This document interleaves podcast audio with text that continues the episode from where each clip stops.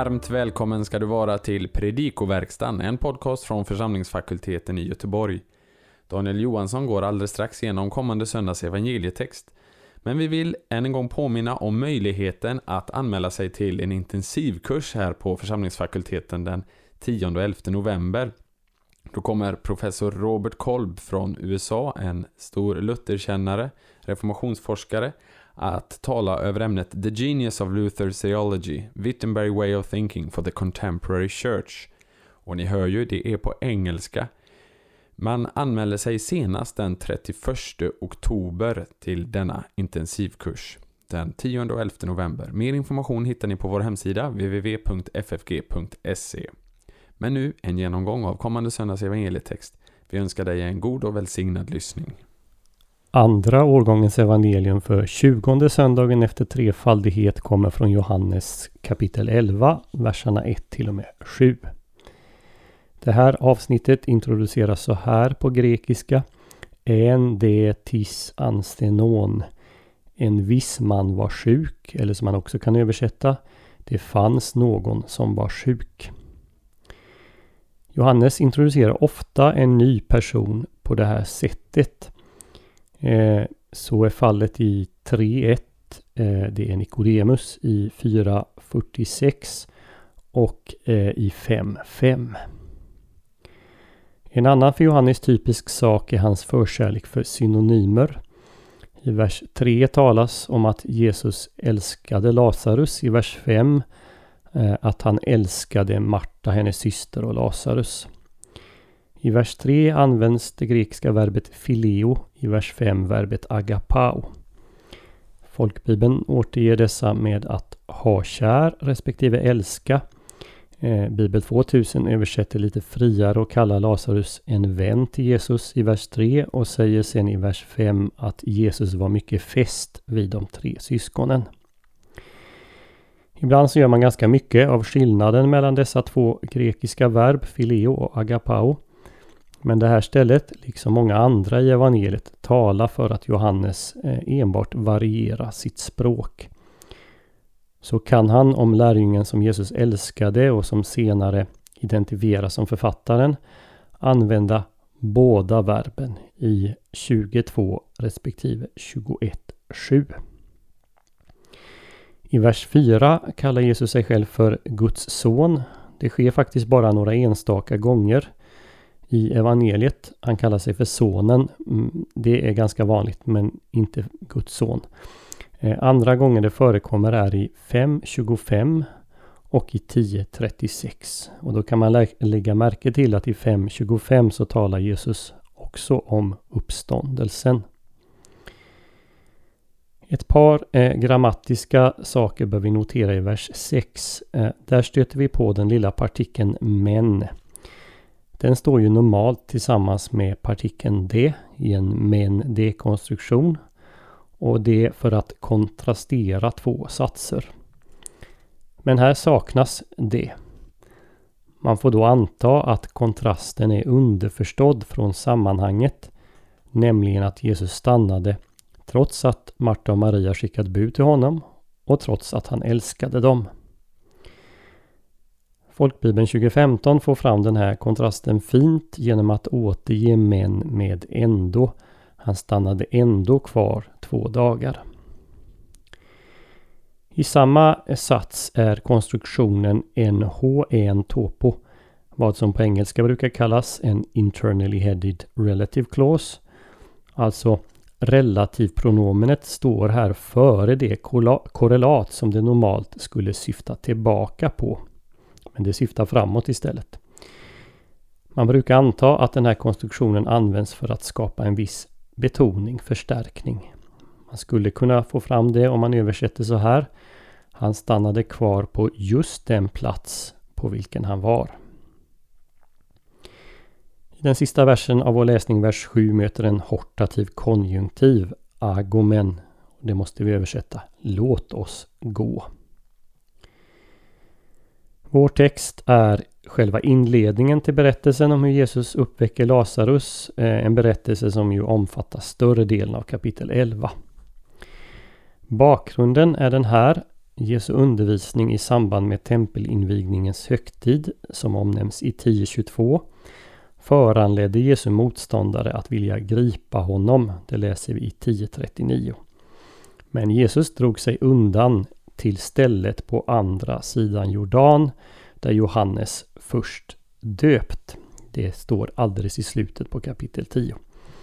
Och det här sista på andra sidan Jordan där Johannes döpt. Eh, det bör vara en anspelning på Johannes 1.28 som nämner att Johannes döpte i Betania på andra sidan Jordan.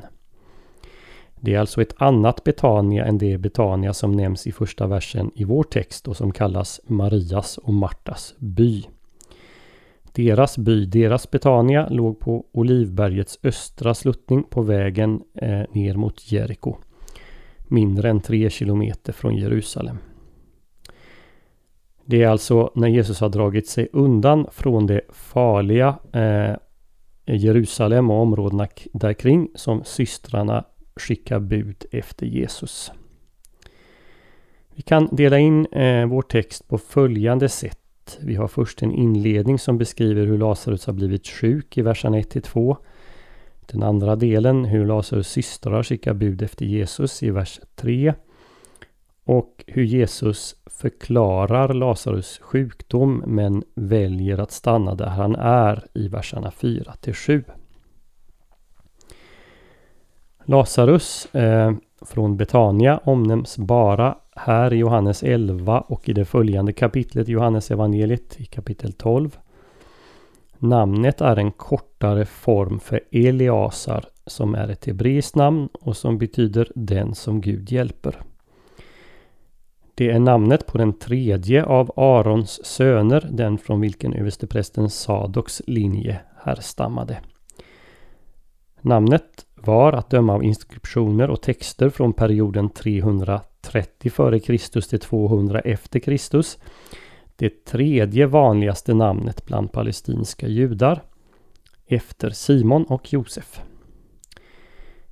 Introduktionen av Lazarus är väl lite märklig. Först sägs att han är från samma by som Maria och hennes syster Marta. Därefter introduceras Maria som den som smorde Jesus och torkade hans fötter med sitt hår. Först därefter sägs att Maria är syster till den sjuke. Här bör vi också observera att eh, evangelisten nämner en händelse som ännu inte inträffat, nämligen att Maria smorde Jesus. De flesta antar att läsaren redan förväntas känna till vad som senare skulle ske i Betania. Det kan antyda att läsaren redan är bekant med något av de andra evangelierna som omnämner det, eller åtminstone med händelserna i samband med Jesu död, som då också skulle inkluderat eh, det eh, som sägs om Marias smörjelse av Jesus. Eh, det här säger i så fall också att man varit mycket mer förtegen kring det som hände med Lazarus. De eh, som menar att Johannes evangelium framförallt är ett missionsverk eh, och eh, i så fall att Marias smörjelse ännu var okänd för läsaren. Eh, de menar att Johannes här skapar en spänning som tvingar läsaren att läsa vidare. Vad kan det här vara för en händelse ska man tänka där Maria smörjer Jesus? Marta var sannolikt den äldre av systrarna eftersom hon nämns först i vers 5 och av Lukas kapitel 10, verserna 38 till 42 så kan vi utläsa att hon tycks fungera som värdinna i huset. Noterbart är att ett så kallat eh, ossuarium eh, som upptäcktes i en grav nära Betania 1873 eh, hade en instruktion med alla tre namnen Marta, Maria och Lazarus. Om det är frågan om Bibelns tre syskon är oklart. Eh, alla namnen var nämligen mycket populära vid den här tiden. Maria var det vanligaste kvinnonamnet och Marta var på fjärde plats. Så det är inte helt osannolikt att en annan familj eh, skulle ha haft eh, personer med, med de här tre namnen.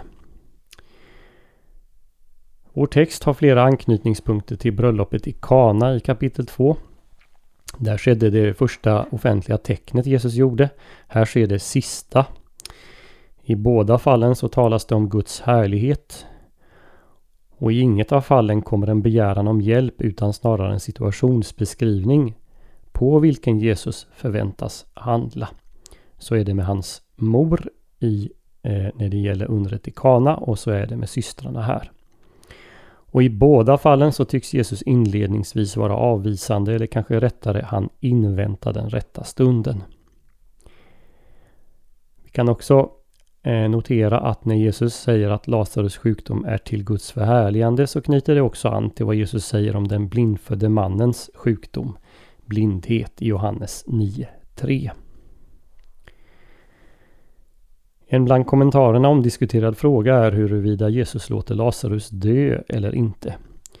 Och den frågan hänger samman med var Jesus befinner sig.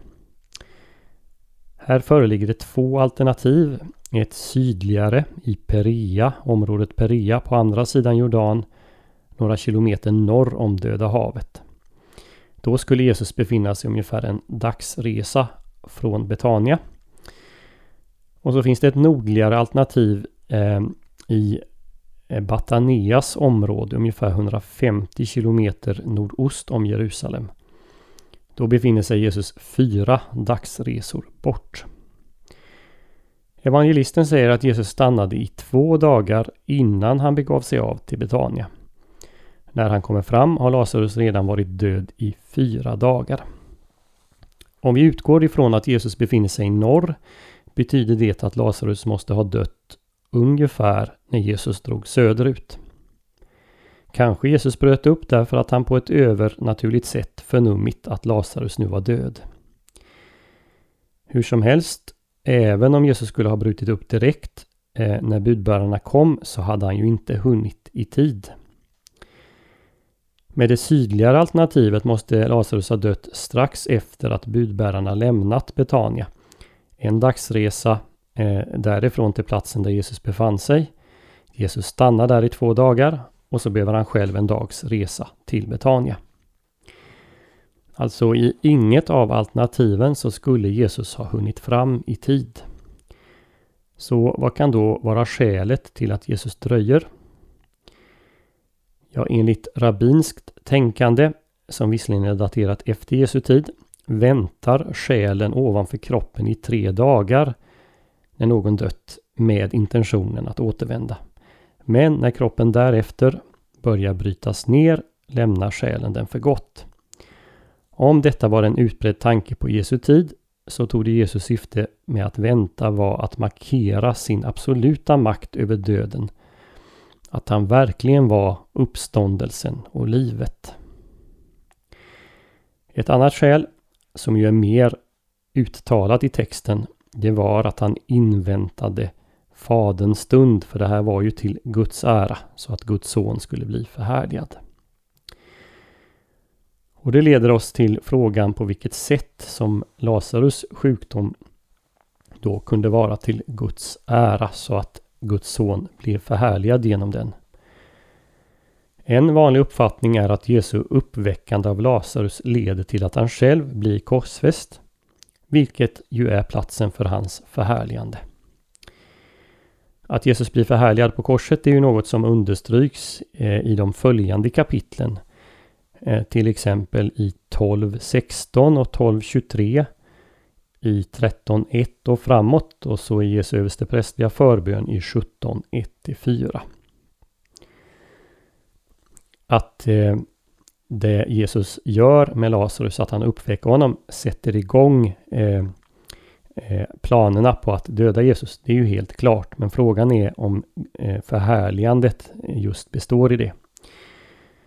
Då finns det ett andra alternativ och i mitt tycke är det nog mer sannolikt. Och det är att Guds, ska vi kalla det preexistenta härlighet blir synlig i Jesus och hans gärning när undret sker så som den blev synlig i Kana i 2.11 och som evangelisten omvittnar i prologen i 1.14 Vi såg hans härlighet, en härlighet som den enfödde har av Fadern. Och den skulle då vi, evangelisterna och vittnena ha sett i samband med att Jesus uppväckte Lazarus och också vid andra under Jesus gjorde. Till sist eh, ska vi lägga märke till den spänning som föreligger mellan verserna 4 och 5 och 6.